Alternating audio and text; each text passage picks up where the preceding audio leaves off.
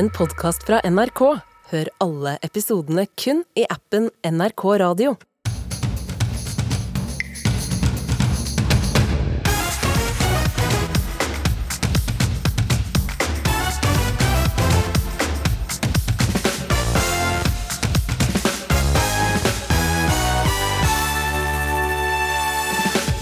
To kvinner er funnet i live etter å ha overlevd i over 100 timer i ruinene av sammenraste bygninger i Tyrkia. Det er altså fortsatt håp, og vi får siste nytt fra Tyrkia og besøk av noen som desperat klynger seg til nettopp det håpet. Manchester City risikerer å bli kasta ut av Premier League etter over 100 regelbrudd over flere år.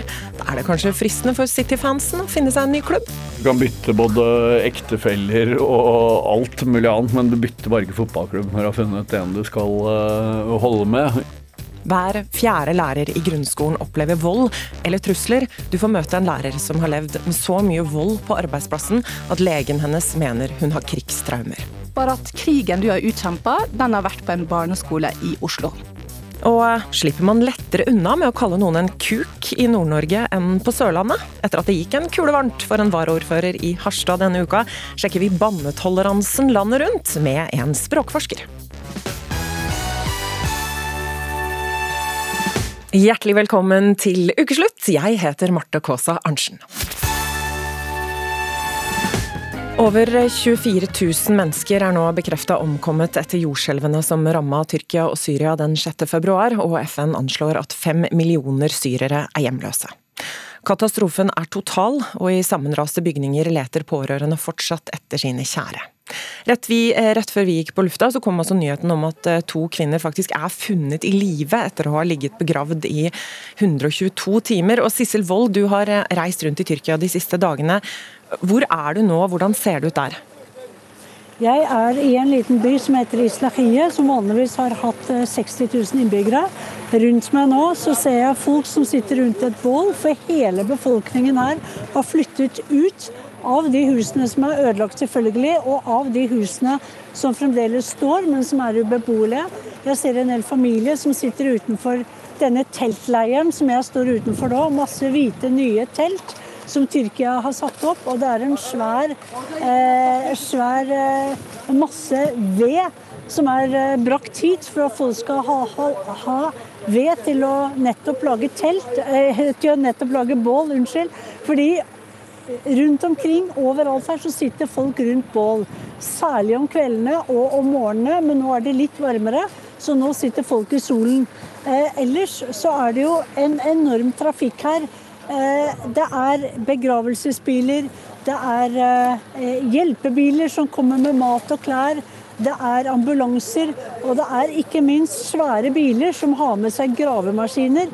For det er mye, mye graving etter døde nå. Det er jo ingen som tror at man kan finne overlevende her, men man graver i de husene som er eh, knust. Nå står jeg også foran en stor haug med klær.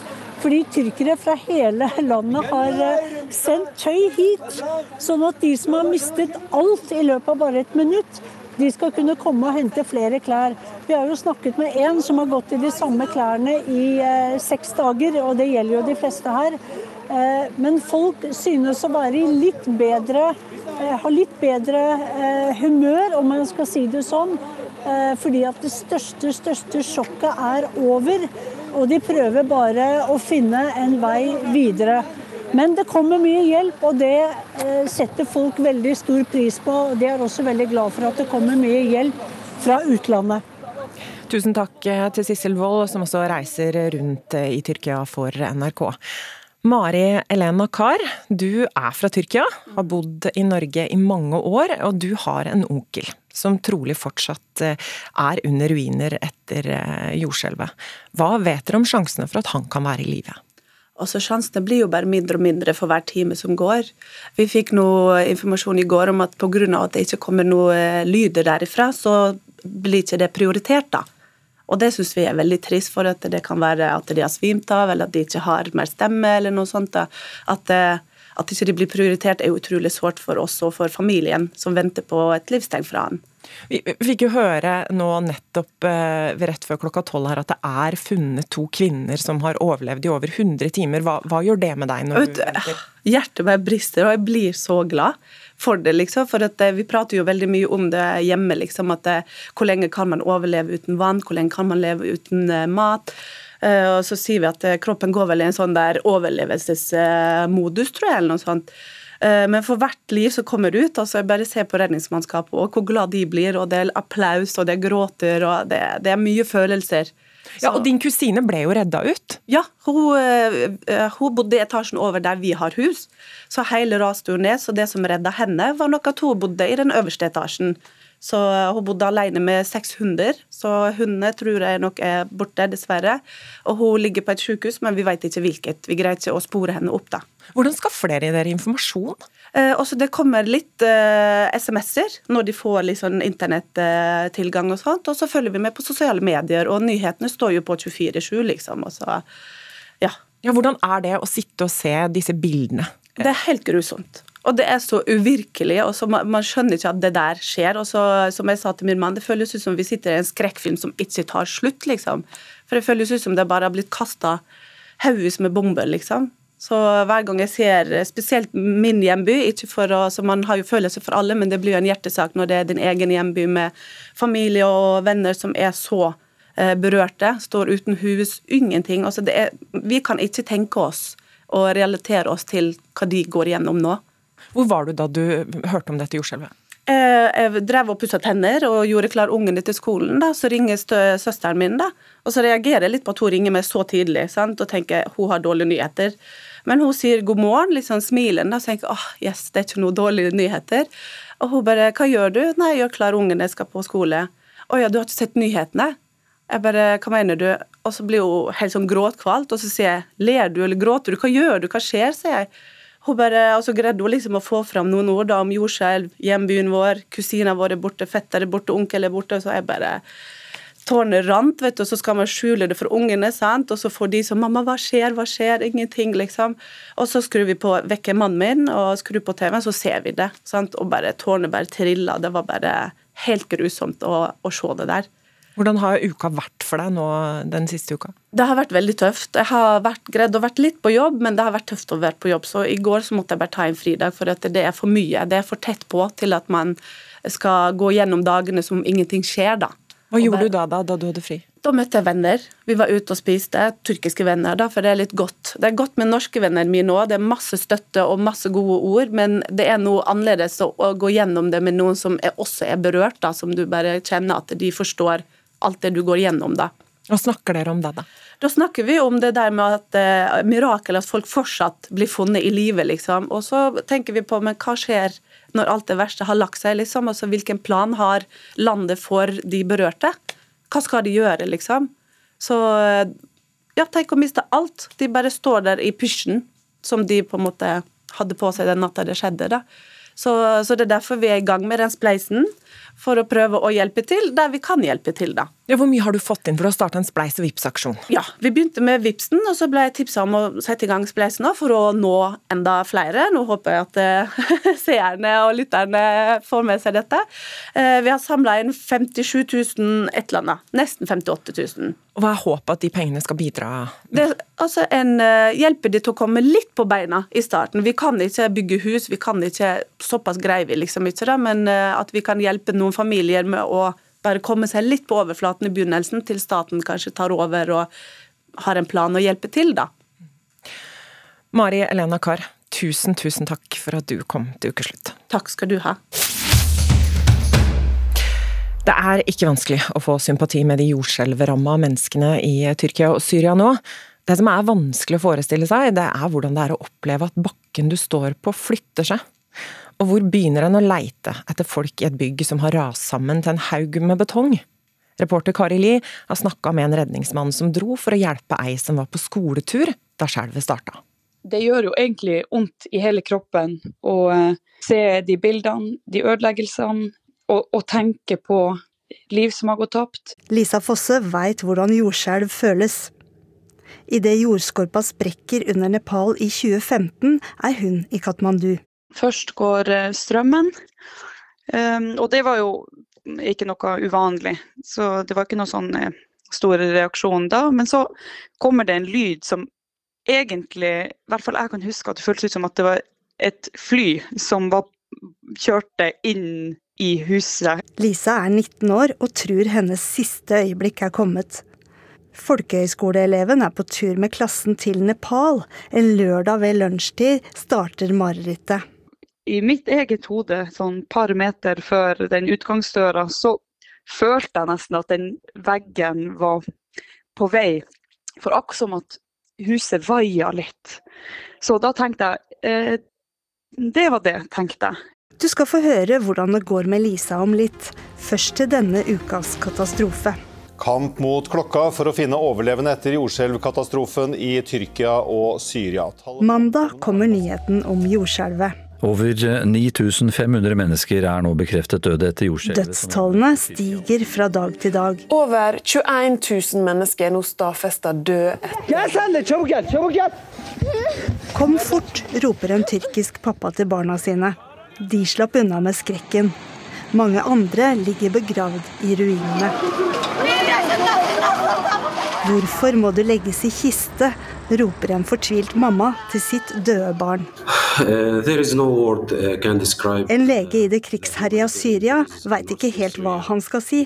Han mangler alt. The medical situation is very bad. Det er onsdag morgen, og på brann- og redningsetaten i Oslo er nattskiftet ferdig. Og så har vi fått litt nye syke på morgenen i dag, og da er det litt utfordring å få alle bilene bemanna som vi ønsker. da. Brigadesjef Håvard Bakkens utfordring nå er omgangssjuke blant kolleger. Bakken har også erfaring med å redde folk ut av bygninger etter jordskjelv. Og Det kommer alltid opp historier. Det kommer vi sikkert å gjøre nå etter det skjelvet som har gått i Tyrkia og, og Syria. At det kommer til, Om mange døgn nå så kommer det fortsatt til å finne en og annen overlevende. Brannmann Bakken blei sammen med hundeførere, sykepleiere og andre hjelpere i redningsteamet NorSAR flydd til Nepal og jordskjelvet som Lisa havna i. Vi bruker flere hunder, men de går uavhengig av hverandre. Det er for at ikke de skal bli av altså Verken hundefører eller hund skal bli påvirka av den som har vært der tidligere. Da. Så kan vi også gå inn med lytteutstyr. Vi kan banke i ruinene, og vi, hvis vi da får et svar tilbake altså Folk klarer kanskje å slå med en stein på et metallrør, eller noe, det klarer vi å fange opp på, disse, på dette lytteutstyret. Det er så fintfølende, dette lytteutstyret, at vi, vi hørte jo liksom rottene gikk i, i ruinene. Den redningen Bakken husker best, var ei tobarnsmor de brukte ni timer på å grave seg inn til. Det første hun gjorde, var å ta tak i hånda til første redningsmann som var inne der. Og Han beskriver det, altså snakk om å få gåsehud når du da kjenner at hun griper om hånda di. Du skjønner at det her hun er eh, såpass våken og til stede at hun har eh, grep og tar tak i hånda til redningsmann. Eh, ja, det gir mening å drive med dette arbeidet. Du følger jo med på det som skjer i Syria og Tyrkia nå, ikke sant? Ja da, utrolig mange hjelpearbeidere som sendes nedover. Og jeg skulle veldig gjerne vært der sjøl. Og i disse områdene, både i Syria og Tyrkia, så ser man at det er et stort behov. Så jeg skulle veldig gjerne vært der og, og hjulpet til. Ja. Jeg syns det er utrolig positivt og rørende å høre at man står og gjerne vil hjelpe. Direktør i Direktoratet for samfunnssikkerhet og beredskap, Elisabeth Aarsæter, skulle gjerne sendt Bakken og redningsteamet til Syria og Tyrkia nå. Intet skulle glede meg mer som beredskapsdirektør i Norge enn at vi kunne sende team umiddelbart, og at alt sto klart, og at alt var at alt var tipp topp overalt. Det er jo ikke alltid sånn. Men NorSAR redningsteam finnes ikke lenger. Det ble lagt ned i 2016, var det vel. Det var før jeg kom, men jeg ser at det var i 2016. Redningsteamet fikk ikke penger av Solberg-regjeringen etter skjelvet i Nepal. Dersom norske redningsfolk skal kunne grave ut jordskjelvofre, må Støres regjering prioritere annerledes. All beredskap som man har oppe og i orden, og som er etterspurt og brukt, er, selvfølgelig, er det selvfølgelig veldig interessant og, og, fint å ha. og Derfor er det jeg tror det er et veldig klokt grep da, å se på om dette er en ressurs som bør komme opp igjen. Men hvordan gikk det med skoleklassen i Katmandu? På det som føles som et blunk, men som egentlig var opptil ett minutt, så plutselig står vi liksom ute alle sammen i sjokk og ser på hverandre. Hva skjedde nå, og hva skjer nå? Og umiddelbart skjønte vi at vi har vært ekstremt heldige. Lisa Fosse og medelevene slapp ut av bygget før det kollapsa. På kvelden prøver 19-åringen å sove i hotellobbyen. Det var ei gigantisk lampe oppi taket i lobbyen, og, og den skjelvinga når liksom den lampa og alle de her greiene som henger ned fra lampa, begynner å klirre i hop, og vannet i vannflaska som skvulper unnafra. Jordskjelverfaringen Fosse fikk som 19-åring, sitter fortsatt i kroppen. Vi kom jo tilbake til eh, Oslo, og når trikken kjører forbi, så kjenner du en vibrasjon i bakken. Det der å fære inn på store kjøpesenter eller inn i høye bygninger, høyt opp i etasjer, så kan jeg fortsatt kjenne at jeg, jeg får en liten sånn eh, aning av klaustrofobi, fordi at her er, er nærmeste exit ganske langt unna. En litt sånn eh, frysende følelse. Du er en kuk. En stygg jævla faen. Ja, For ordens skyld så er dette ikke mine ord. Det er altså et verbalt angrep fra varaordfører i Harstad, retta mot en politisk konkurrent. Det har han selvsagt måttet tåle en hel del kjeft for, og han har også gått ut og beklaget ordene som ble skrevet i en lukka Snapchat-gruppe. Men, lurte vi på, hadde det vært verre om han var politiker på Sørlandet og kom med det samme utbruddet? Språkforsker og forfatter av banneordboka Ruth Vatvedt Fjell eh, tåler ulik språkbruk i ulike deler av landet? Det kan hende vi gjør, men på den annen side så har vi jo et felles regelsett som gjelder for hele landet. Så det må vi i visse situasjoner eh, forholde oss til. Hvor drøyt er det å kalle noen en jævla kuka? Det eh, var ikke det han gjorde, han kalte han bare for en kuk, faktisk. For det er mye verre å si en jævla kuk. Det er det, ja. Ja, for da har du jo forsterka med å henvise til djevelen, ikke sant. Men i neste setning så tar han jo og snakker om at han er en jævla faen. Og det, så det er ikke bra, det heller.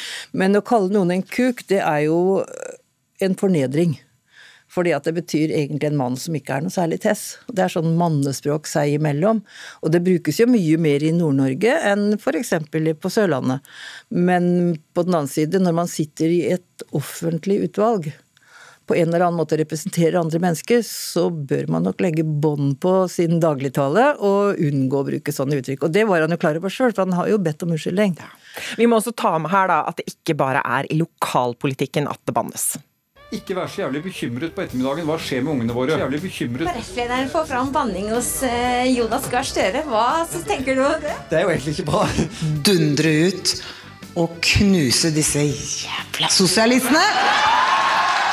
Ordvalget til Siv Jensen skaper store overskrifter i norske aviser. Hva er upassende, sier jeg. I aller høyeste grad. Helt forferdelig. Det er uhøflig. Tone Sofie Agling, politisk kommentator her i NRK. Hva husker du fra disse eksemplene? Jeg husker veldig godt uh, Siv Jensens uh, 'De jævla sosialistene'. Fordi jeg var på det landsmøtet hvor det ble sagt, og det var jo under en middag, og det var god stemning, og alle lo og opplevde liksom ikke det så eh, spesielt. Men når det kommer på TV, så, så, ser det så mye sterkere og annerledes ut. Og det er vel kanskje det som er liksom, poenget med banning. At liksom, i dagligtalen og på puben og sånn, så, så, fungerer det, men det ser ikke bra ut på trykk eller når, når, du får det i TV eller på radio. Nei, Ruth Vatvedt Fjell, hva slags folk tåler vi best banning fra? Eh vi tåler jo banning fra hverandre i en, ja, i en festlig ramme, som vi snakker om her, sånn, men vi tåler det ikke når man er en offentlig person.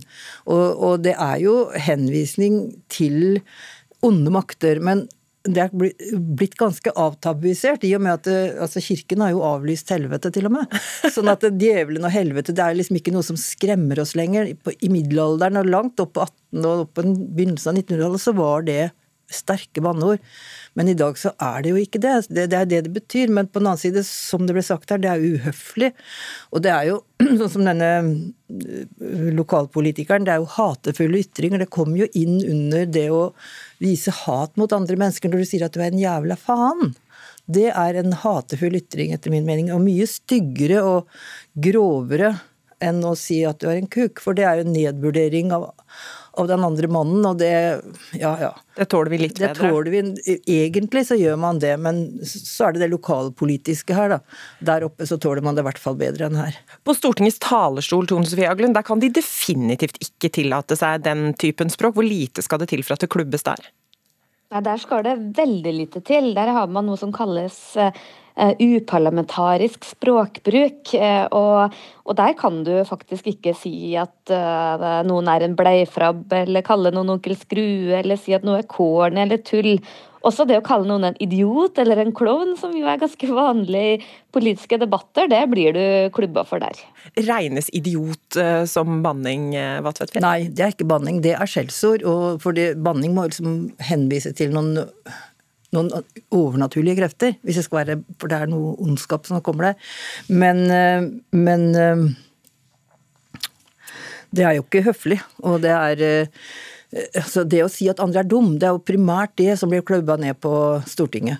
Fordi at eh, man skal da nedvurdere motstanderne, de som har en annen politisk mening enn en selv. Altså da, fordi de har det, så er de dumme. Og det er jo ikke det som er saken i et parlament. Der skal man diskutere forskjellige meninger og komme fram til en felles forståelse. Men det kan jo vise engasjement, da, Tone Sofie Aglen, eller viser det mangel på kontroll? Ja, Det er nok veldig personavhengig. for jeg tror Mange som husker f.eks. den tidligere LO-lederen Yngve Haagensen. Eh, han, han ble jo oppfatta som veldig engasjert og veldig sånn eh, gutta på gulvet-aktig, den måten han snakka på. Der var det vel en del gloser som ville blitt eh, klubba både her og der. Mens for f.eks. Jonas Gahr Støre tror jeg vi har helt andre forventninger eh, til. Så det handler nok både litt om person og litt om eh, hvilken setting du er i. Og jeg tror nok også at eh, landsdeler spiller en betydning. I Nord-Norge så tåler man en del mer enn man gjør på Østlandet. Ja, Du er jo til stede på årsmøtet i Trondheim Arbeiderparti nå, der nye medlemmer bare strømmer til lokallaget til Giske. Jeg regner med at stemningen der er mer prega av jubelrop, kanskje? Ja da, men eh, vi er absolutt i en del av landet hvor vi, vi tåler nok eh, litt mer her. Nå er det ikke noe, mye banning på talerstolen, men jeg tror nok eh, på årsmøtepuben etterpå, så kommer det nok en og annen litt sterkere glose. Men i den settingen tåler vi det kanskje bedre, Fjell? Ja da, i visse settinger så tåler vi det mye bedre, men veldig mye banning brukes jo for å tiltrekke seg oppmerksomhet, for å være morsom, for å forsterke sitt eh, uttrykk på en måte. Og jeg syns det var morsom denne sammenligningen mellom Haagensen og Støre. fordi Haagensen han var jo liksom en av gutta fra gulvet, mens Støre han er en dannet mann. Og vi forventer et dannet språk fra en dannet mann, ikke sant. For det har jo alltid vært sett på som udannet å gripe til tabuord. Og det er jo nettopp fordi at det viser at en slags avmakt. Man snakker om at banning det er avmaktens språk. Så det, de som har makta, de trenger ikke banne, det for de sitter med makta. Og det gjør større. Hadde det vært annerledes, tilbake til den bannende varaordføreren i, i, i Harstad, hvis han sa penis i stedet for kuk? Eh, nei, det hadde vært veldig uvanlig. For det, det, det hadde vært Det hadde han jo tenkt på kjønnsorganet som sådan. Jeg tror ikke han, når han sa 'du er en kuk', så kunne han like gjerne sagt du er en tosk, f.eks. Ja. på Sørlandet. For det betyr det at fornedre deg på en eller annen måte, men å begynne å snakke om penis, da er det jo liksom inne på det det, det egentlig refererer til. Og ikke den metaforiske bruken, som banning krever egentlig at man snakker i metaforer, altså i språklige bilder. Tusen takk til språkforsker og forfatter av banneordboka Ruth Vatvedt Fjell, og til Tone Sofie Aglen, politisk kommentator her i NRK. Og så må vi kanskje sende en liten takk til varaordføreren i Harstad òg, for da fikk vi sagt så mye deilige banneord på lufta her i NRK også. Kineserne ser oss, både fra ballonger og i små, uskyldige apper.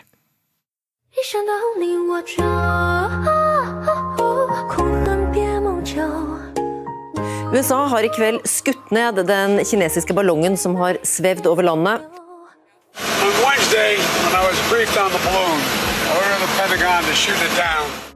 Og så har jo Kina hele tida sagt at dette er snakk om en værballong. Jeg trodde de var ganske små, men de viser seg å være jævlig store ballonger. Ja, er det ikke tre busser, da? Mange har kanskje kjent på usikkerheten rundt hvor mye informasjon TikTok og andre sosiale medier samler inn om oss, etter at justisministeren måtte forklare seg for Stortinget om sin TikTok-bruk. Eh, og Nato-sjef Jens Stoltenberg sa tidligere i uka at de 40 ballongene som kineserne har sendt over fem kontinenter, viser at de trapper opp sin etterretning. Henrik Him, du er førsteamanuensis ved Institutt for forsvarsstudier. Kan du først forklare oss litt om hvordan denne ballongen ser ut?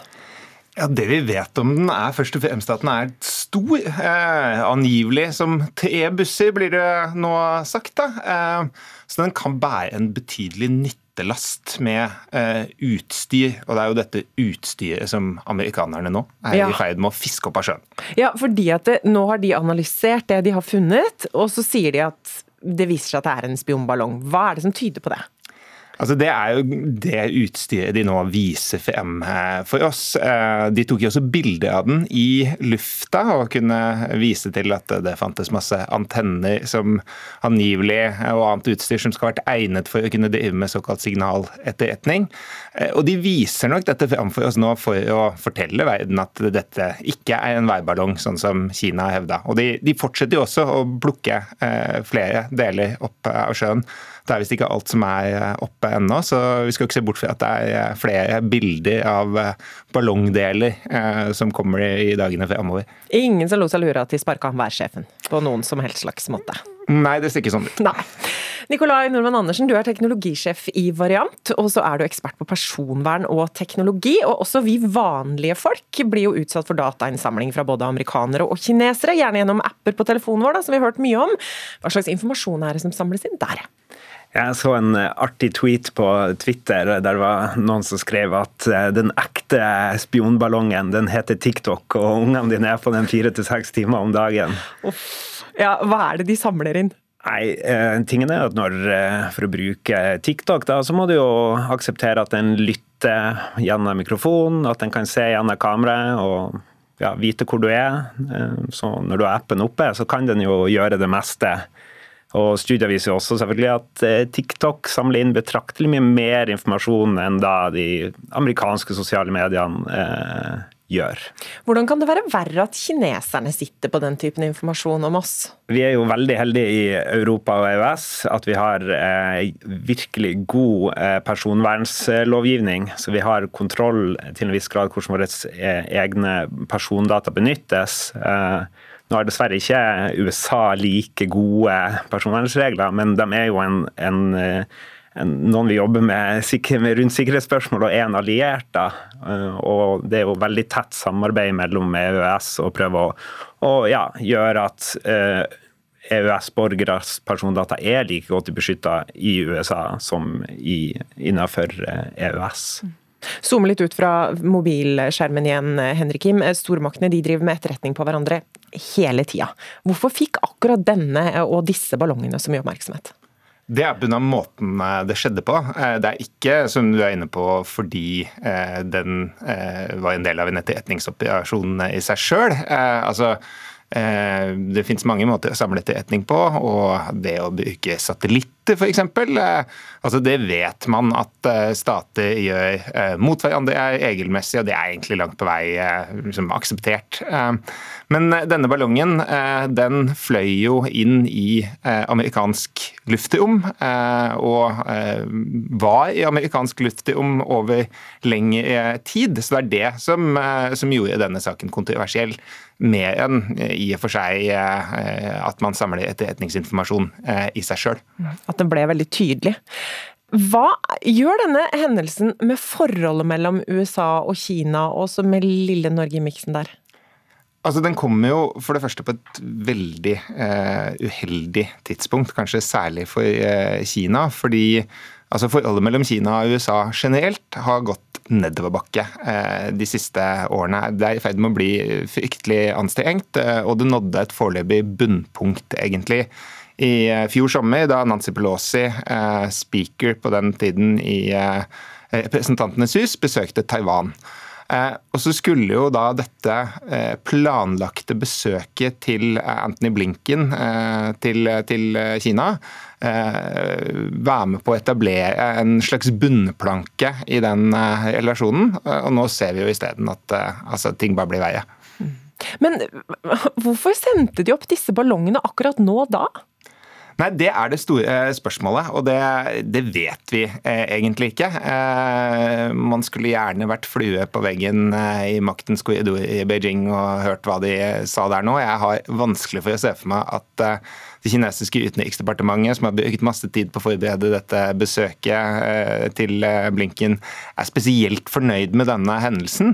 Men vi vet jo ikke om dette skyldes at eh, den ene hånden kanskje ikke har fortalt den andre hva den har gjort eller om de har undervurdert hvor betydningsfullt og, og kontroversielt dette skulle bli, eller om det har skjedd noe feil. Altså det, det er vi ikke sikre på.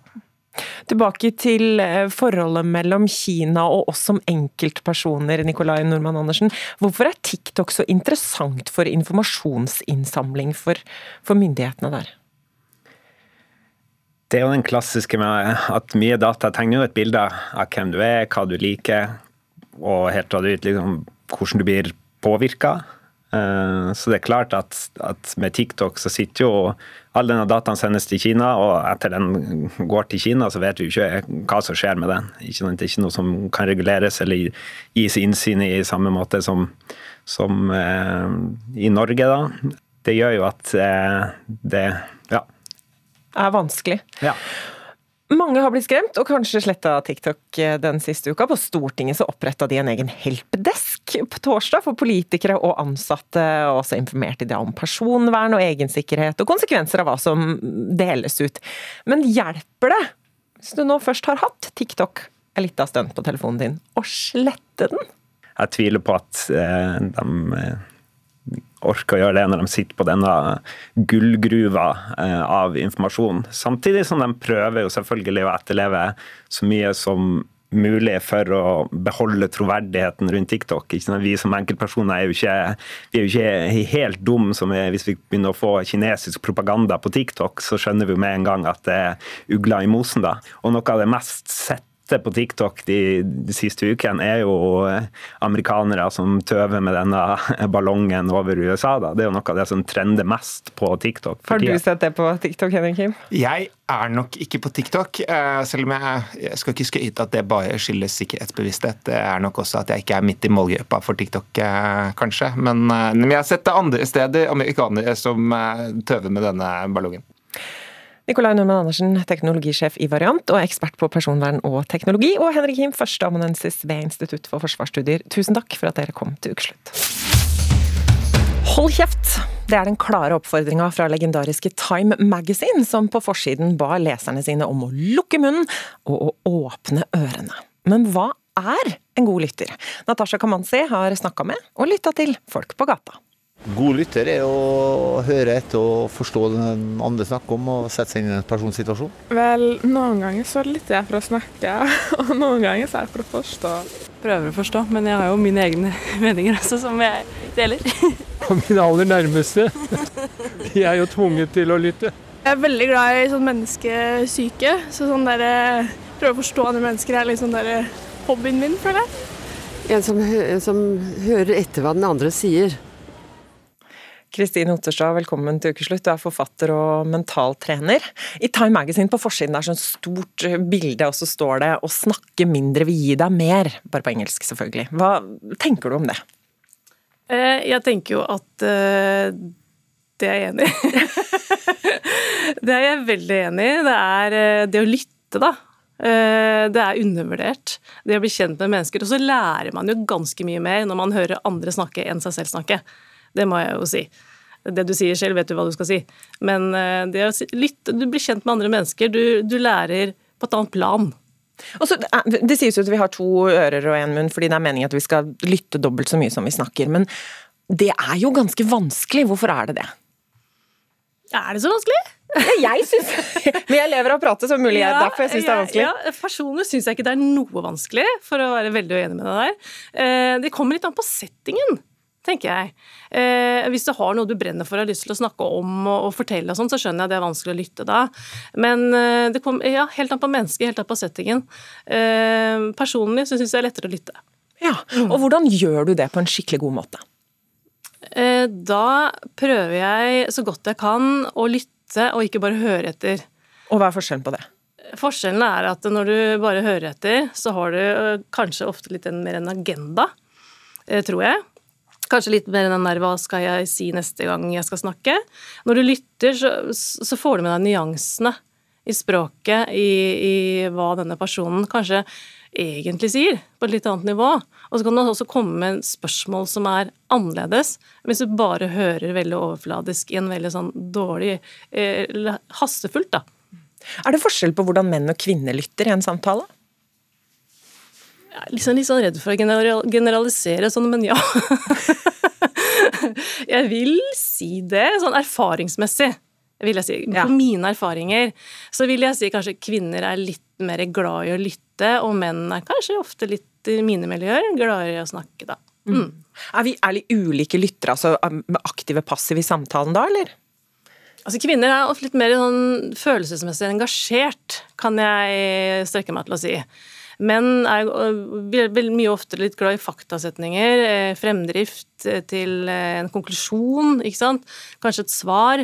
Mens kvinner er kanskje mer glad i å drodle litt og være litt mer rundt det samme temaet en lengre stund. Er, er, det å lytte, altså det der å lukke munnen og åpne ørene, kan man øve seg, og hvordan gjør man det? Jeg tror det er helt nødvendig å øve seg på det. For det første så trenger du å begynne å bruke øynene når man snakker, og se på det mennesket du faktisk snakker til. Eh, hva skjer? Begynner du å flakke med blikket og sparke i rusen, liksom, så er det jo Da begynner du å bli utålmodig. Kanskje kutte ned, kanskje da Oi, nei, nå har jeg snakket nok om meg, hva med deg? Ikke sant? Eh, føle litt på stemningen, energien mellom de to menneskene. Har man litt antenner ute, så er det veldig lett å kjenne på disse energiene. Men du må bruke mer enn bare stemmen. Du må bruke de andre sansene dine. Ja, for eksempel. Du sa øynene, men Eh, hørsel, pusting. Ah, ikke sant? Litt den der oppgitte eh, Kroppen som begynner å bli urolig, som kanskje ser seg om etter en fluktmulighet ut av samtalen. Eh, ja. Mm. Det er mange måter. Altså, Hvis man opplever at ingen lytter, da, hvis man virkelig har noe viktig man vil si, og så blir man ikke lyttet til, har du noen triks der? Jeg tenker de som roper høyest, blir hørt minst. Så eh, hvis det er noe veldig viktig du har lyst til å si, så er mine triks det er jo å senke energinivået, senke stemmen, prate roligere. Da er det litt sånn at må, da fanges publikum, de som hører på deg, litt mer. Ja, legge seg ned i leiren Legge seg litt dypere. ned, ja. Mm, roe ned alt. Ja. Hvordan er du selv da, hvis du f.eks. sitter i en terapitime og så kjenner du at å, nå falt jeg av, hva gjør man da? Da er det viktig å få hentet seg, inn igjen. Og veldig ofte når man sitter i en sånn time med to og to, eller én og én til én, så er det viktig å være ærlig og åpen på det. Og for min egen del så sier jeg oi, unnskyld, nå var jeg litt ukonsentrert et lite øyeblikk. La oss spole tilbake tre sekunder, og så begynner vi på nytt. Ja, for det er bedre å være ærlig? Det er det alltid. Enn å late som at man hørte. Ja, det, og da kan man vikle seg inn i mye rart. Kristine Otterstad, tusen takk for at du ga oss en liten lytteskole. Hver fjerde lærer i grunnskolen opplever vold eller trusler om vold, ifølge Statens arbeidsmiljøinstitutt. Til NRK forteller lærere at de blir slått, sparka, lugga og får gjenstander kasta etter seg. Anne Marte Nesdal Sandnes, du jobber fortsatt som lærer, men er delvis sykemeldt etter å ha fått en ball i hodet på en skole i Oslo. Akkurat det var et uhell, men du kan også fortelle om episoder som ikke var uhell. Hva er det du har opplevd? Um, har opplevd ganske mye når det kommer til vold. Uh, og det er jo spesielt én episode som har prega meg i stor grad. Um, Det er vanskelig å fortelle om det som skjedde. Men jeg jobba på en barneskole i Oslo, og dette her er noen år tilbake. Eh, så, da, så jobba jeg på en barneskole der vold var stort, en stor utfordring i hverdagen. Det var mye atferdsproblematikk, og skolen hadde ikke ressurser eh, som Altså tilstrekkelig nok med ressurser til å møte all den atferden. Og i min klasse så var det da spesielt én elev eh, som hadde Som var veldig voldelig av seg. Og det var mange episoder. Så det ble liksom Altså, man satte i gang flere tiltak, og ingenting funka. En dag så kom eleven inn i klasserommet med en pistol i hånda. Eh, og eleven sikta på en annen elev i klassen. Og det var jo helt forferdelig, for jeg visste at denne eleven var i stand til å gjøre mye. Og jeg var sikker på at vi kom til å dø. Og jeg var sikker på at elevene i klassen kom til å dø. Og så eh, visste ikke, jeg visste ikke hva jeg skulle gjøre, fordi jeg hadde ikke fått noe opplæring i det. Ingenting. Så det jeg gjorde da, det var det at jeg tenkte at ok, men da får han skyte meg først. Så jeg stilte meg foran eh, pistolen. Og så jeg skjønte jo Det gikk noen sånn forferdelig lange sekunder med pistolen rett og slett mot tinningen. Og jeg var sikker på at jeg kom til å dø. Og fikk hele, hele livet i repeat liksom, på 1, 2, 3. Det var en helt utrolig intens opplevelse. Forferdelig ubehagelig. Uh, og så gikk det opp for meg at det, å, det var Det her er en lekepistol. Men det Altså det var bare så utrolig intens opplevelse, og det var så fælt. Og jeg var livende redd og helt i sjokk. Så egentlig hadde jeg bare lyst til å bare skrike høyt. Og jeg skalv hele kroppen, og hjertet det var bare, det banka jo forferdelig. Eh, men også tenkte på de andre elevene i klassen, og jeg tenkte ok, jeg ble nødt til å prøve å ikke gjøre sånn at de sitter igjen med dette forferdelige inntrykket her. Og da klarte jeg på en eller annen måte å fjase det litt bort. For de var vant med at det skjedde voldelige episoder hver dag, gjerne flere hver dag. Og da var det som at det bare sklei inn i hverdagen. Hvilke konsekvenser har dette fått for deg? Eh, det fikk veldig store konsekvenser. Eh, først så begynte det med at jeg, hver gang jeg tenkte på jobben, så begynte jeg å grine. For bare, alt med jobb var helt bare forferdelig, og jeg var jo kjemperedd i lang tid etterpå. Eh, og så ble det vanskelig å komme seg til jobb. Fordi du merker at satt, denne opplevelsen satt så godt inn i kroppen at bare skulle ta T-banen til skolen, så fikk jeg det som jeg nå i ettertid så vet at det var panikkangst, altså anfall. Så bare veggene i T-banen kom mot meg, og det var så voldsomt, liksom. Jeg ble kjempedårlig, veldig, veldig svimmel. Jeg holdt på å kaste opp, måtte ut av T-banen, men det kunne ikke, fordi jeg var jo inne i en tunnel. Så jeg måtte, brukte lang tid på å komme meg til jobb, for jeg måtte gå av flere stopp før jeg skulle av. og sånn. Og det var kjempeskummelt fordi jeg ikke skjønte hva det var. Men jeg skjønte at noe hadde skjedd etter denne pistolepisoden men jeg visste ikke alvoret. For jeg fikk jo ingen oppfølging. Det var eleven som fikk oppfølging etterpå, og da fikk eleven mye oppfølging.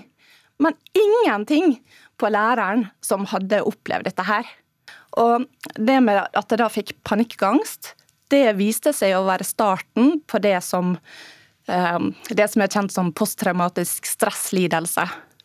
Så etter at jeg slutta på den skolen, for jeg klarte ikke å jobbe der mer etterpå, da starta jeg på en ny skole i Oslo. Og første dag på den nye skolen så var det som om kroppen begynte å brenne. Altså, det begynte å, Jeg skjønte ikke hva dette var, men jeg ble jo livredd. Og hodebunnen, hodebunnen begynte å svi. Um, og halsen, skuldrene begynte å svi. Og og så, Det var som om jeg holdt på å besvime fordi at det, det, svidde sånn. Det var som om noen sto med en lighter og tente på kroppen min. Hver og det var en del av denne posttraumatiske stresslidelsen? Ja, det var det som var starten, på en måte. Og så kom jeg til en lege til slutt, for det ble så gale at jeg havna på legevakta flere ganger. Kom hjem fra jobb, holdt på å besvime, løp inn i dusjen med klærne på. Og med bare dusjen på, på maks da, med kaldt vann, med klærne på og likevel holdt på å svi og brenne opp hele kroppen.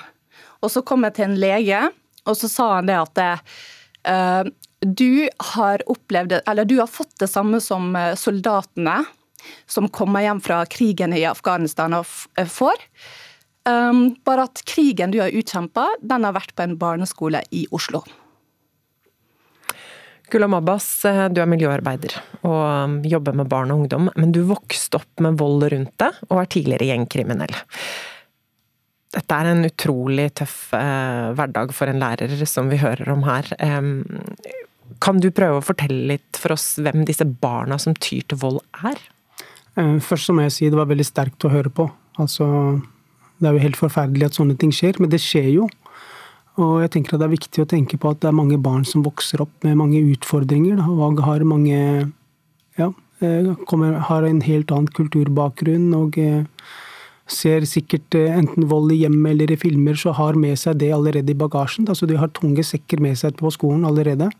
Og så har de ikke den samme oppfølgingen av foreldrene som mange etnisk norske har.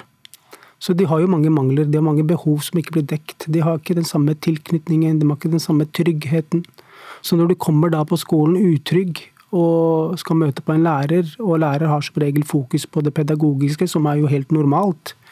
Men her så snakker vi om tett eh, strøk, hvor du faktisk trenger en annen form for kompetanse. Du trenger jo en helt annen kompetanse, som vi har veldig lite fokus på, eller kanskje mer fokus på i dag, men fortsatt for lite i forhold til det som trengs. da. Var du noen gang voldelig i skolen? Eh, jeg var mer utsatt for vold, hvis vi skal være ærlig på det. Men så klart, det ble jo til at man etter hvert begynte å utøve vold. Og for at det påvirker jo, ikke sant. Og det er sånn man reagerer, da. Kan du ta oss med litt inn i hva som foregår i hodet da? Nei, jeg tenker jo at eh, når de f.eks. ikke får til ting og eh, føler at de får oppmerksomhet på en helt annen måte, og de får respons på det, så vokser jo de på det, da. Og de tror jo at det er riktig og greit, eh, siden de har møtt på det på en eller annen form. Eh, men så klart, det er jo ikke riktig. Anne Marte Nesdal Sandnes, eh, hva mener du må til for at vi skal få bukt med vold i skolen? Oi, ja, det er nå en veldig sammensatt eh, problematikk. Og Det er jo ikke bare ett svar på det. Men jeg tenker at det, i skolen i dag så jobber det altfor mange som ikke har lærerutdanning. For det første og så er det sånn gjerne at det, hvis en elev f.eks. har voldelig atferd, kanskje får en assistent på seg, så er jo det gjerne så blir jo gjerne den assistenten kanskje henta inn utenfra, og så blir det, har man ikke da eh, personell som er eh, kvalifiserte. Og da henter man inn en kanskje rett fra videregående, som er uten utdanning, som skal stå i det her. Og det går jo ikke. Eh, og så tenker jeg også at vi må ha andre yrkesgrupper inn i skolen som kan være med å veilede læreren. Fordi at læreren må jo få være den som skal undervise. Og det er jo det vi er utdanna til. Vi er jo ikke utdanna til å f.eks. takle all denne volden.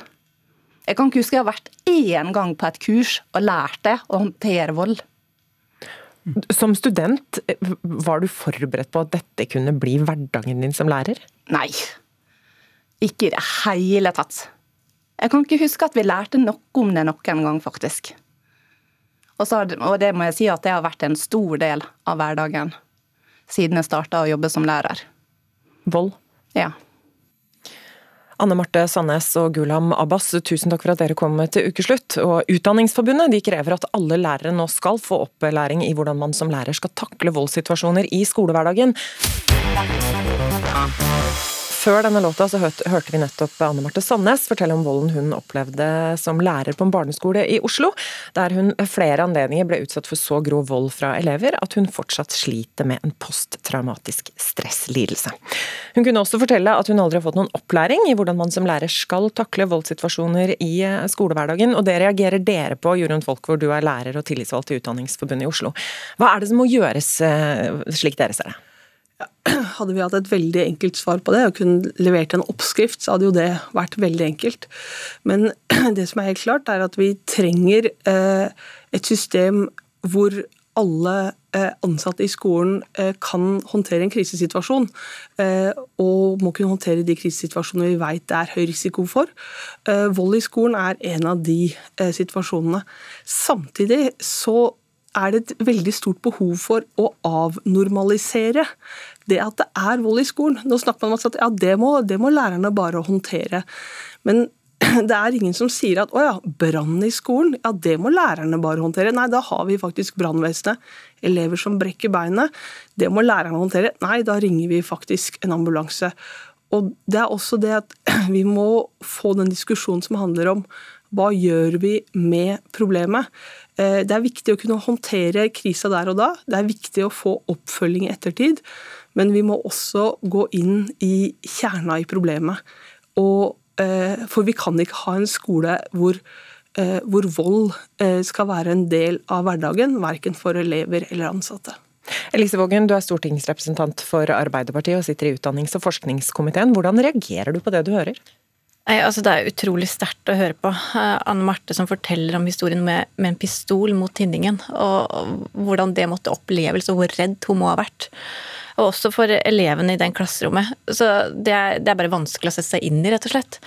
Men så vet vi jo det at det er, det er, hverdagen for en del der ute, og at det skjer så altfor ofte. Og så ser vi på statistikken også at det, det, er, det, er, mange som står i det. Og det er også en stor økning blant, blant de yngste barna. Men jeg synes jo noe av det triste her er også at Anne Marte forteller at hun fikk ikke noe oppfølging i etterkant. Og at hun ikke hadde fått noe kursing eller kompetanse.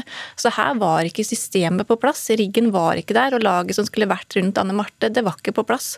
Og det, sånn kan vi ikke ha det. Nei, og Hvor stor grad av ansvar har regjeringen og dere politikere for det? Klart, Regjeringen og vi politikere har et ansvar. Eh, og så er det jo sånn at arbeidsgiver har et helt klart ansvar gjennom arbeidsmiljøloven med å forebygge at voldshendelser skjer. og det å sørge for at man har et system på plass når det har skjedd. Men så er det jo sånn at vi vet at hverdagen der ute, så er det ikke sånn at det nødvendigvis er så godt system på plass. Det kan også være sånn at man vegrer seg for å fortelle om at voldshendelser har skjedd. At eh, det er sånn at, som du sier, for blir fortalt om her nå, da, at det er blitt litt normalisert. Er det sånn at vi da skal rapportere? Hvor går grensa hen? Men det at det skal være nulltoleranse mot vold i skolen, lærerne skal være trygge på jobb, det må være helt klare på. Og her er det et helt klart ansvar for skolen skoleeier og for skoleledere til å ta det ansvaret der ute, og så må vi gjøre det vi kan nasjonalt. Ja, og der, er det sånn at det gjøres jo, Er det et område hvor politikere er veldig på, og har sterke meninger, så er det jo skolen. Da er det meninger om hvilke prøver som skal tas når, det er meninger om eh, vurderingssystemene, det er meninger om inntaksordningene. altså Det er meninger om antall timer i fag og hvordan eksamen skal gjennomføres. Det er utrolig mange ting det er meninger om. Og Så kommer vi til situasjonen Eh, vold i skolen, eh, elever som utagerer, eh, problemer knytta til elever, de sårbare elevene. Og så blir det veldig stille. Da, da, er det ikke mange politikere som roper om nasjonale handlingsplaner eller utredninger, eller her må det opp til debatt i Stortinget. Det kan virke som det er en slags berøringsangst, fordi det er, så, det er så problematisk. Og når noe er veldig, veldig problematisk, så er løsningen ja ja, da får vi la lærerne stå i det. Subsidiært så gjør vi sånn som Anne Marte sier. Vi setter inn en assistent på 19, eh, som kanskje er et veldig motivert, godt og engasjert menneske, men som da skal bli sendt inn i eh, vanvittige nederlag. Eh, et ungt menneske som kanskje nettopp hadde sett for seg å jobbe med mennesker hele livet, men som blir knekt tidlig fordi du står i utfordringer som du ikke er i stand til å håndtere. Og det vi etterlyser, er vel at det ligner jo på at noen flere tar ansvar. For at nå gjør ingen noen ting. Det er en slags handlingslammelse. Og så i klasserommet så står det igjen eh, eh, lærere som skal undervise 28 elever. Og så skal de da i tillegg ta seg av eh, en åtteåring som, eh, som er i sammenbrudd, som er i krise. Berøringsangst og handlingslammelse hos politikeren her, eh, Vågen? Jeg, altså, jeg kan jo bare svare for meg selv, da, men jeg er jo veldig opptatt av at vi virkelig går inn i dette. Og at vi faktisk går til roten av hva er det som er problemet.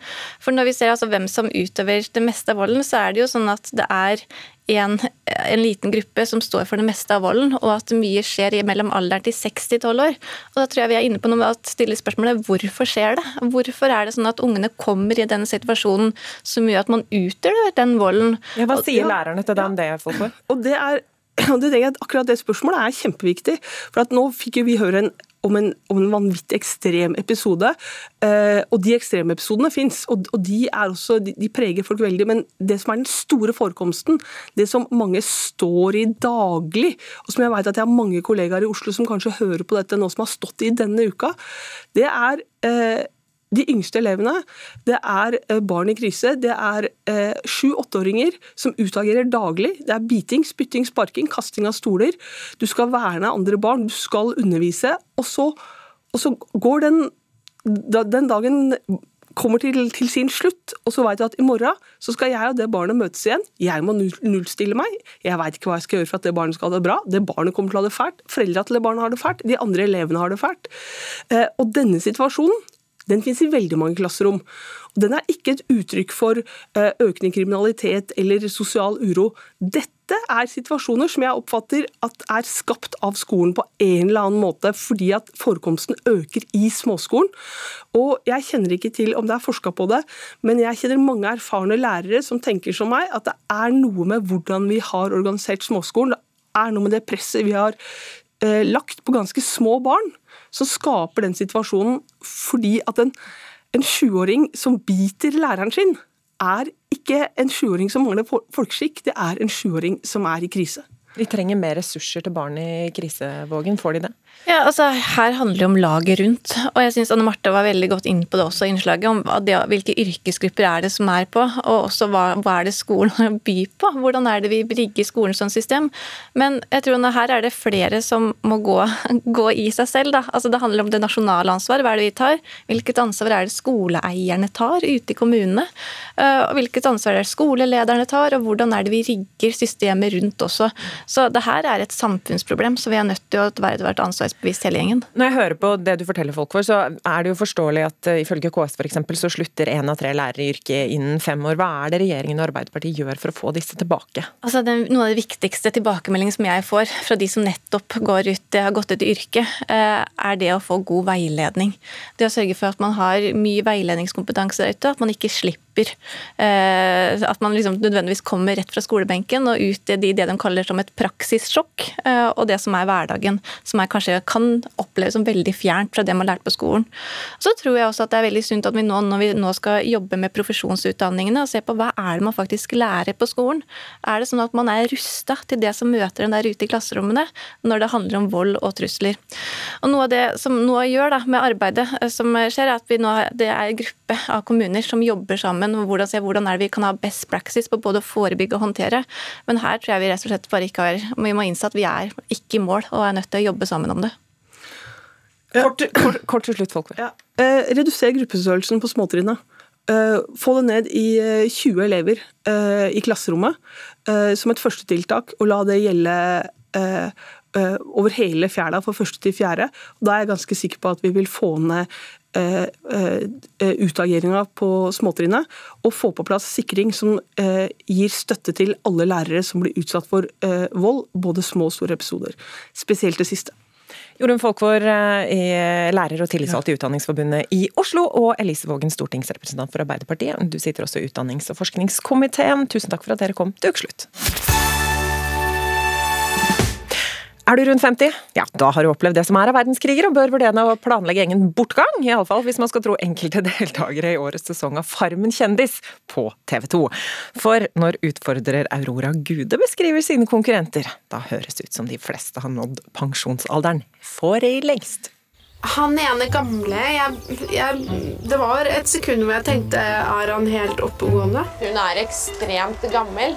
Hun er på en måte snart på dødsleie. At en mann som er såpass oppe i årene, eh, rundt 70-80 Det er ikke noe alternativ å tape mot en 50 år gammel dame. Altså kjøkkenkunnskaper. Jan Tore har stått på kjøkkenet hele livet. Han er jo gammel. Jeg er så lei nå av sånne middelaldrende menn som bare kommer og slår meg ut på sånne der dustete ting fordi de har mer livskunnskap, de har vært gjennom det gamle dager, krig.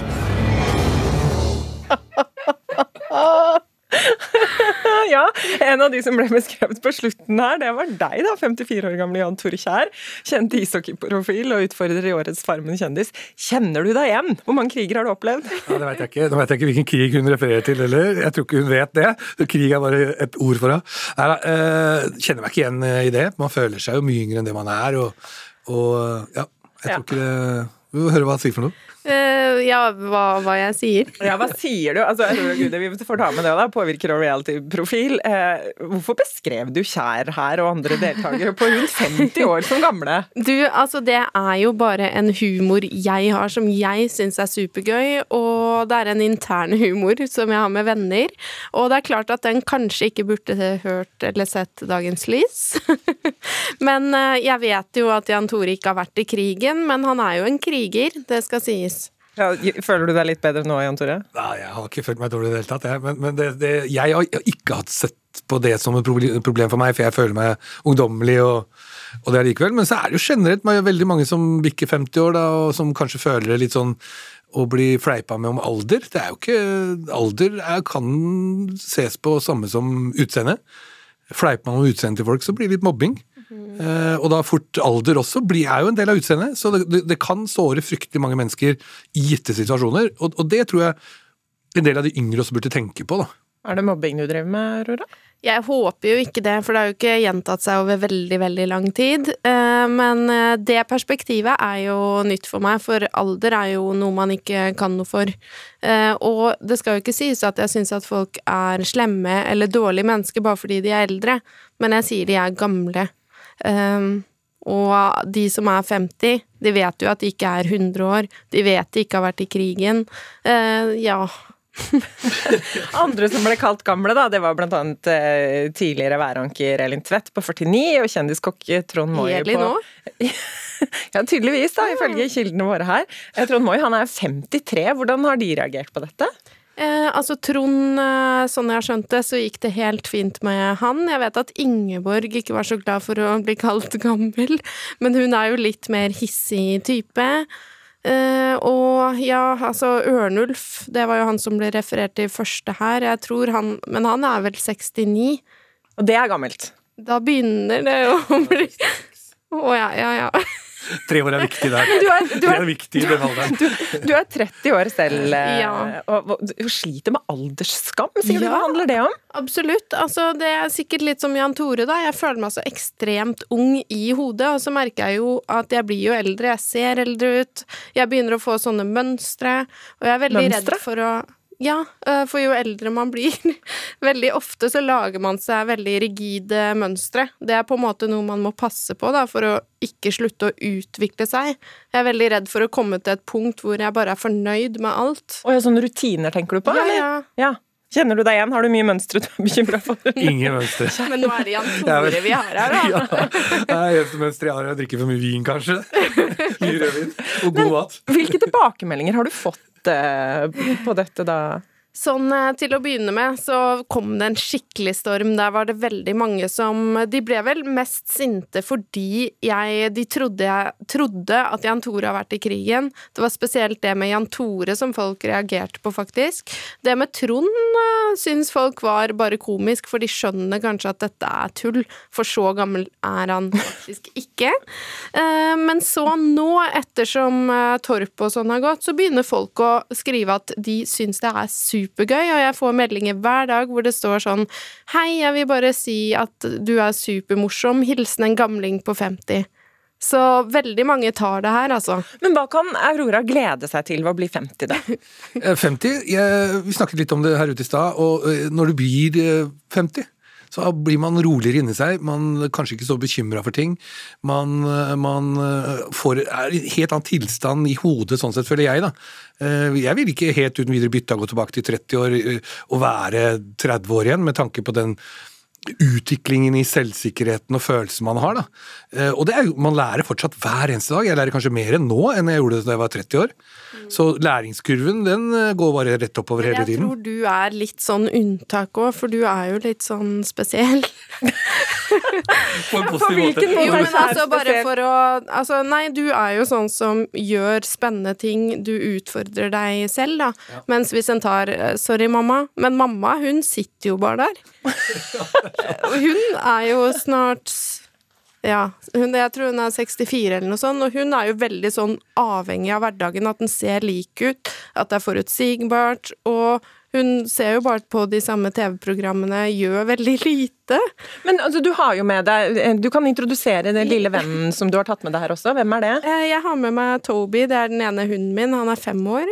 Ja, og Hva slags hund er det? Det er en chihuahua, langåret. Ja, Men han er jo avhengig av rutiner i hverdagen? Ja, hunder er jo veldig, veldig glad i rutiner, og det eneste som gjør at jeg ikke er klin gal, er nok hundene mine, for jeg må på en måte komme hjem til en viss tid og ta disse turene og ha litt rutine, jeg òg. Så på en måte er du like gammel allerede? Ja, absolutt, og jeg merker at jeg blir sånn Nei, nå må jeg legge meg, nei, nå må jeg Og jeg må begynne å skrive ned ting. Alt, hvis ikke glemmer jeg det.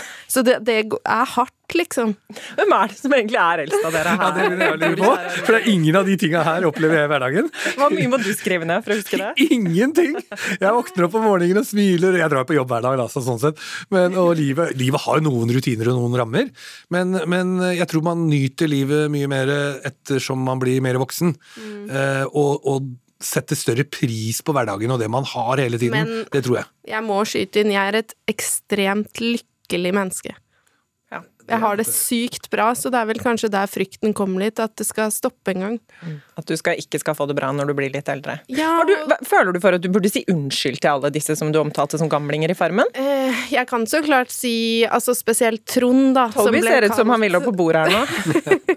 Trond eh, ble jo kalt 70-80 år og er 53. Det, jeg syns jo det drøyeste var mot han, og jeg tenkte å si unnskyld til ham på finalefesten. Eh, men resten Jan Tore, beklager. Jeg, var mange, jeg, har fått, jeg har også fått De tilbakemeldingene jeg har fått, er humorstyrt blant venner. Eh, så det er jo litt sånn, eh, sånn sett. Så det, det, jeg skjønte jo det. Ja. Men igjen, så det å tenke på fremtiden for ikke bare deg, men mange andre også, er at alder kan man sammenligne med utseende osv. Det fleiper man ikke om eh, ofte. For da er det mobbing, og det kan også bli på alder. Jeg tar meg også sjøl i å fleipe litt med noen kompiser om har bursdag som er et par år eldre enn meg, Mm. og sier at den, er det noen, i år du skal pensjonere deg, eh, så er jo det egentlig mobbing, det òg. Så jeg kanskje burde tenke meg om sjøl og skjerpe meg litt, jeg òg. Ja. Si unnskyld til kompisene mine. Vi er enige om at vi alle skjerper oss litt på det. Tusen takk for at dere kom for å snakke om humorstyrt aldersdiskriminering her i Ukeslutt. Jan Tore Kjær og Aurora Gode Gude, og Toby som nå er i ferd med å spise opp mikrofonen. Jeg er veldig hyggelig at du kom også. Manchester City er i hardt vær, tiltalt for 115 regelbrudd og risikerer altså å bli kasta ut av Premier League. Men hvordan er det å holde med klubben sin når det ikke går så bra? Er det noensinne et alternativ å bytte lag? Reporter Ingrid Karoline Karlsen har sett litt på det. Og her har vi en signert drakt, og det er to Christopher Best Wishes, Sergio Aguero. På rommet til Richard Stott sin sønn henger en innramma Manchester City-skjorte. Han har også sittet i badekåpe. Så har vi i matpakke. I lyseblå fotballtrøye viser han stolt fram all sitt utstyret som barna har. Fan av klubben har han vært hele livet, men nå er klubben i hardt vær fra Premier League. For over 100 mulige regelbrudd, det er det Manchester City nå blir etterforsket for. Og klubben kan i verste fall bli straffet med utestengelse fra Premier League pga. for heftig pengebruk. Sportskommentator Jan Petter Saltvedt har fulgt klubbens sak nøye, og oppsummerer det slik. Man skal ikke kunne komme inn med en pengebinge større enn onkel Skrues og bare pøse inn så mye man vil, helt uavhengig om man tjener penger eller ikke. Rett og slett bare for å kunne vinne for enhver pris. Manchester City-fans ser ut til å stå i en vanskelig situasjon. Suksessen som klubben har opplevd de siste 15 årene, kan ifølge Premier League skyldes skittent og urettferdig spill. teorien så kan det være at de får poengstraff for de sesongene de har vært under etterforskning eh, for. Eh, rett og slett som en etablering at de har juksa. Og der kan det jo gjøre at de mister titler de har øh, vunnet. Jeg spør Saltvedt om hvorfor supporterne da ikke bare kan bytte lag. Du kan bytte både ektefeller og alt mulig annet, men du bytter bare ikke fotballklubb når du har funnet en du skal øh, holde med. Å stå last og brast med sitt lag er tydeligvis en del av gamet i fotball. Det kan supporterne på Bohemen fotballpub skrive under på. En onsdagskveld i februar finner de der, klare for å delta på et litt spesielt bokbad. Han er Liverpool-supporter, han er ManU-supporter. Hater dere hverandre? Nei, jeg er litt, kanskje. Sånn av og til. To britiske journalister har skrevet bok om fotballhistoriens kanskje største rivalisering, nemlig Manchester United mot Liverpool. Og det, det trekker fotballfansen inn. Jeg jubler jo nesten like mye når United slipper i mål, som når Liverpool skårer. Det gjør jeg. Går det an å bytte lag? Nei.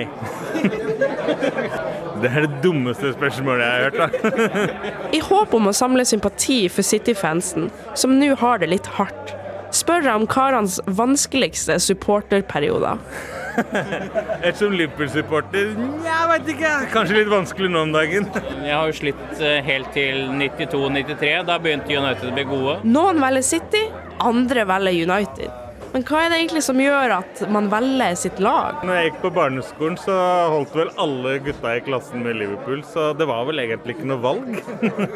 Det, var en, en, det er én kamp, og det skal ikke så mye til. da. Det er en bag, det er en caps, det er et skjerf. Samme hvordan man har kommet fram til dem. Har man først valgt lag, ja, så skal man stå ved dem. Men fallet til Manchester City, det kan bli stort, sier Saltvedt.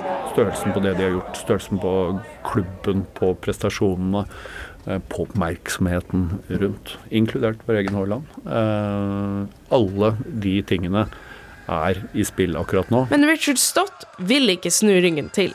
Fargen på drakta han går i, har han nemlig arva fra sin far. Han vokste opp i Manchester. Er født i Manchester òg. Som liten gutt leide han sin fars hånd inn på arenaen for kamp. Nå gjør han det samme med sine egne sønner.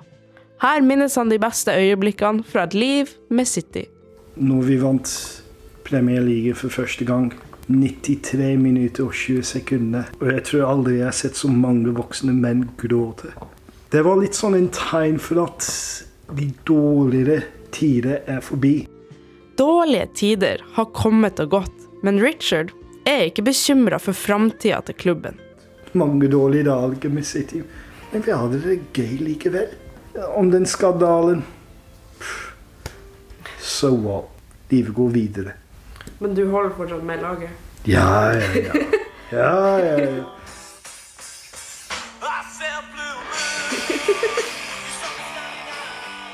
Og er du gira på å sove litt bedre, smile litt bredere og få i deg litt mer D-vitamin, da er det jo innmari flaks for deg at Dagslys gir deg alle de tinga helt gratis, og at det endelig er på vei tilbake til store deler av landet vårt. Da sa Gud. Det blir lys, og det ble lys. Jeg elsker når det er dagslys og tørt på bakken. Så jeg får lyst til å bare ta på meg løpeklærne og sommerklærne for den del og komme meg ut. Midt på vinteren, da våkner du og det var stein mørkt ute. Og nå våkner du hele tida til lysere tider. Og tre timer lengre faktisk nå. Fantastisk. Sier en mann i mørkeblå lue som tar seg en kaffe under en lyseblå himmel på Majorstua i Oslo. Men hvorfor føles det så deilig med skarpt dagslys i ansiktet etter måneder med mørke? Daniel Wete er lysforsker og psykolog. Lyset regulerer døgnrytmen vår, og gjennom det så påvirker det når det er lett for oss å sove, og når det er lett for oss å være våken. Altså utover det med søvn så har man faktisk sett fra en del sånn laboratoriestudier og sånn, og så har man funnet litt, litt støtte for at lyset også har noen sånn direkte påvirkninger på, på humøret vårt, f.eks. Føles friskt. Herlig. Litt sånn uh, Får litt sånn uh, ekstra energi. Kanskje litt uterestauranter. Kose deg litt mer, hygge deg litt mer, være litt mer ute. Ja, kanskje ingen uterestauranter som er åpne helt enda. I alle fall ikke på Svalbard, der Line Ylvisåker, redaktør i Svalbardposten, slår et slag for alle slags typer lys. For det er jo også fantastisk fint i mørketida når man kan gå ut eh, på morgenen eller midt på dagen, og så har vi nordlys, eh, og stjerneskinn og måneskinn. Eh, så, så jeg tror vi setter pris på ulike former for lys. Nei, altså jeg leverte jo ungene i dag morges, og det var jo altså blåfargen begynte å komme frem allerede da. At vi kan se litt lys igjen, det, det gjør absolutt noe med humøret, det altså. Ikke sant? Ja. Og så er det jo, selv om det er nesten minus, så sto vi så på shortser nettopp. Så det er litt sånn her, man får litt sånn her illusjon om at uh, strandlivet kommer snart. Det nærmer seg nå. Ja. Det er bare i Norge vi står og snakker om shorts i februar. Tusen takk for at du har hørt på Ukeslutt denne lørdagen. Det er Line Forsmo som har vært ansvarlig for sendingen. Helge Svensson er teknisk ansvarlig. Og jeg, jeg heter Marte Kaasa Arntzen, og jeg håper at du får en helt vidunderlig helg. Riktig god lørdag! Du har hørt en podkast fra NRK. Hør alle episodene kun i appen NRK Radio.